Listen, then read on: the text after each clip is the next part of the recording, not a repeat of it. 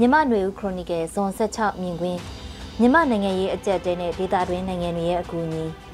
မြန်မာနိုင်ငံမှာဖြစ်ပွားနေတဲ့လက်နက်ကင်တိုက်ပွဲတွေနေရစွန့်ခွာတိမ်းရှောင်ရတဲ့သူတန်းချီရှိလာနေတာတွေနည်းနည်းမြစ်ကိုကြော်လွန်ပြီးတက်ရောက်လာတဲ့ဒုက္ခသည်တွေရဲ့အရေးနဲ့မွေးစေဝါတယံဇာတခိုးထုတ်မှုတွေကဒေသတွင်းနိုင်ငံတွေအတက်လဲထိခိုက်မှုနဲ့အချို့ကမြတ်ထုတ်မှုတွေရှိလာနိုင်တဲ့အခြေအနေတွေဖြစ်တာကိုအိန္ဒိချင်းနိုင်ငံတွေနဲ့အာဆီယံနိုင်ငံတွေကသတိပြုမိကြပါလိမ့်မယ်။ ထိုင်းနိုင်ငံဆိုရင်မြန်မာနိုင်ငံကထွက်ပြေးလာတဲ့စစ်ဘေးဒုက္ခသည်တွေကိုခိတ္တအားဖြင့်လက်ခံထားရတဲ့နိုင်ငံလိုဖြစ်နေပြီးအခုတကြိမ်စစ်အာဏာသိမ်းမှုမဖြစ်ခင်1988နောက်ပိုင်းထိုးစစ်တွေတိုင်းရင်းသားလက်နက်ကိုင်တဲ့တိုက်ပွဲတွေကလေးကနေဆက်မြင့်တလျှောက်ဒုက္ခသည်စခန်း9ခု10ခုရှိခဲ့ပြီးလူပေါင်းသိန်းနဲ့ချီတဲ့အရေးအတွက်ကိုဆယ်စုနှစ်နဲ့ချီလက်ခံထားခဲ့ရတဲ့နိုင်ငံဖြစ်ပါတယ်။အခုတဖန်စစ်အာဏာသိမ်းမှုအပြီးမှာနေဆက်တလျှောက်တိုက်ပွဲတွေပြန်အရှိန်မြင့်လာပြီး ထွက်ပြေးတိမ်းရှောင်လာသူတွေထောင်တောင်းချီရှိလာပြန်တာဖြစ်ပါတယ်။ထိုင်းနိုင်ငံရဲ့အာဏာရစစ်ဗိုလ်ချုပ်တွေအနေနဲ့စစ်ကောင်စီနဲ့ရင်းနှီးတဲ့ဆက်ဆံရေးရှိတာကတပိုင်းတစ်ဖက်မှာလည်းမဟာဗျူဟာမြောက်မဟာမိတ်နိုင်ငံဖြစ်တဲ့အမေရိကန်လိုနိုင်ငံရဲ့တိုက်တွန်းမှုတွေကြောင့်လူသားချင်းစာနာမှုအကူအညီအတိုက်ခံတွေထိုင်းနယ်မြေထဲနေထိုင်နေကြတာကိုမတိကျိုးကျွံပြရတဲ့မူဝါဒမျိုးကျင့်သုံးနေရတဲ့နိုင်ငံဖြစ်ပါတယ်။မြန်မာနိုင်ငံတွင်လက်နက်ကိုင်ပဋိပက္ခတွေဖြစ်လာတာကြောင့် တစ်ဖက်မှာမတိမငြိမ်ဖြစ်တာမူရည်စေးတွေပိုထုတ်လုပ်ပြီးထိုင်းနိုင်ငံကိုဖျက်ကကမ္ဘာအရရက်ကိုတင်ပို့တာတွေနေ့စဉ်လိုလိုရာနဲ့ချီတဲ့မြန်မာနိုင်ငံသားတွေထိုင်းနိုင်ငံနဲ့တရားမဝင်ဝင်ရောက်လာနေတဲ့ပြဿနာထိုင်းကိုဖျက်ခါမလေးရှားကိုဥတီသွားရောက်ကြတဲ့အလုသမားနဲ့ရိုဟင်ဂျာတွေရဲ့ဂျာစကန်ဖြစ်လာတာမြန်မာနိုင်ငံတွင်းကလက်နက်ကင်အဖွဲ့တွေကိုရောင်းချဖို့ထိုင်းလက်နက်မှောင်ခိုကိုင်းတွေပို့ပြီးလှုပ်ရှားလာကြတာတွေကထိုင်းနိုင်ငံအဖို့ခေါင်းခဲစရာစောင့်ကြည့်စရာကိစ္စရွက်တွေဖြစ်ပါတယ်။ ထိုင်းနိုင်ငံအဖို့အကျိုးအမြတ်ရောပြဿနာပါနှမျိုးလုံးတွဲလျက်ရှိတဲ့ကိစ္စရဲ့လို့ဆိုရင်မမှားပါဘူး။တရုတ်နိုင်ငံအနေနဲ့တိုင်းရင်းသားလက်နက်ကင်အဖွဲ့အချို့ပေါ်မှာဩဇာရှိပြီးတရုတ်နိုင်ငံရဲ့စွမ်းရည်တည်ယူရာလမ်းကြောင်းယူနန်ပြည်နယ်ရဲ့ပင်လယ်ကုန်သွယ်ရေးထွက်ပေါက်အိန္ဒိယနဲ့နယ်နိမိတ်ဖြစ်တဲ့မြန်မာနိုင်ငံစတဲ့အချက်လက်တွေအရာရောကဘာကိုပတ်ပြီးကုန်သွယ်ရေးလမ်းဖောက်ဖို့ရည်ရွယ်ထားတဲ့ One Belt One Road စီမံကိန်းတို့လိုမှာမြန်မာရဲ့ပါဝင်နိုင်မှုစတာတွေကမဟာဗျူဟာမြောက်ထည့်သွင်းစဉ်းစားရမယ့်ရှုထောင့်တွေဖြစ်ပြီး တစ်ဖက်မှာလည်းမြန်မာနိုင်ငံတွင်းမတည်မငြိမ်ဖြစ်ပွားနေတာမြန်မာအတွက်သာမကတရုတ်နိုင်ငံအတွက်လည်းမကောင်းတဲ့အကျိုးဆက်ကြောက်ရောက်မှာမို့ဘယ်သူပဲဝါအာဏာရတယ်ဆိုတာထက်တည်ငြိမ်မှုရှိမဲ့အုပ်ချုပ်သူမျိုးကိုဆက်ဆံလိုတာ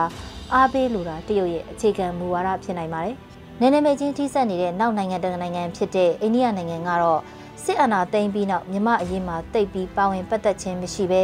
လက်ရှိအာဏာရှိနေတဲ့သူကိုထိတွေ့ဆက်ဆံတာတွေရှိနေတာဖြစ်ပါတယ်။ အိန္ဒိယနိုင်ငံကကမ္ဘာမှာအဖြူမဲခွဲထောက်ခံကြတဲ့ရုရှားယူကရိန်းလိုအရေးမျိုးမှာတော့ကြားနေတဲ့ရက်တီချက်နဲ့ရက်တီနေတာဖြစ်ပြီးမြမအရေးမှာလည်းအတိုက်ခံ NUG လိုအစိုးရကိုထိတွေ့ဆက်ဆံမှုမရှိသလိုခက်ဝေးဝေးနေတဲ့အနေအထားမျိုးဖြစ်ပါတယ်။အိန္ဒိယနိုင်ငံရဲ့လက်ရှိဝန်ကြီးချုပ်ဟာအမျိုးသားရေးကိုအလေးပေးတဲ့အယူဆရှိပြီးအရင်အရင်အစင်လာကြီးတဲ့ခေါင်းဆောင်နေရူရဲ့မျိုးဆက်ဝန်ကြီးချုပ်တွေလိုမြမအတိုက်ခံတွေနဲ့ပုံကိုရေးရင်းနှီးမှုတွေဆက်ဆံရေးတွေမရှိတာကြောင့် မြမအရေးမှာတော့ထူးထူးခြားခြားဝင်မပါတာတွေ့ရမှာဖြစ်ပါတယ်။ကျန်တဲ့နယ်နိမိတ်ချင်းထိဆက်နေတာမဟုတ်တဲ့အာဆီယံနိုင်ငံတွေအထဲမှာတော့ဒီမိုကရေစီစနစ်ကိုပိုပြီးကျင့်သုံးတယ်ဆိုတဲ့ဖိလစ်ပိုင်လိုအင်ဒိုနီးရှားလိုနိုင်ငံတွေက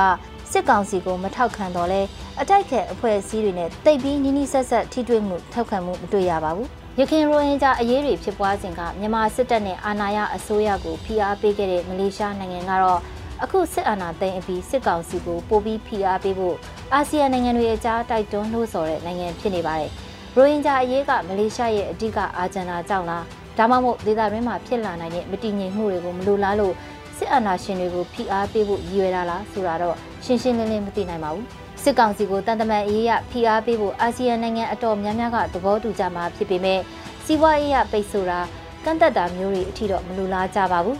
စင်ကာပူလိုထိုင်းလိုနိုင်ငံတွေအနေနဲ့မြန်မာနိုင်ငံမှာစီးပွားရေးရရင်းနှီးမြှုပ်နှံမှုအများအပြားရှိကြတာကြောင့်အနောက်နိုင်ငံတွေလှုံ့ဆော်တယ်လို့စီးပွားရေးတပိတ်မှောက်တာပိတ်ဆိုတာတွေကိုအာမပေးကြပါဘူး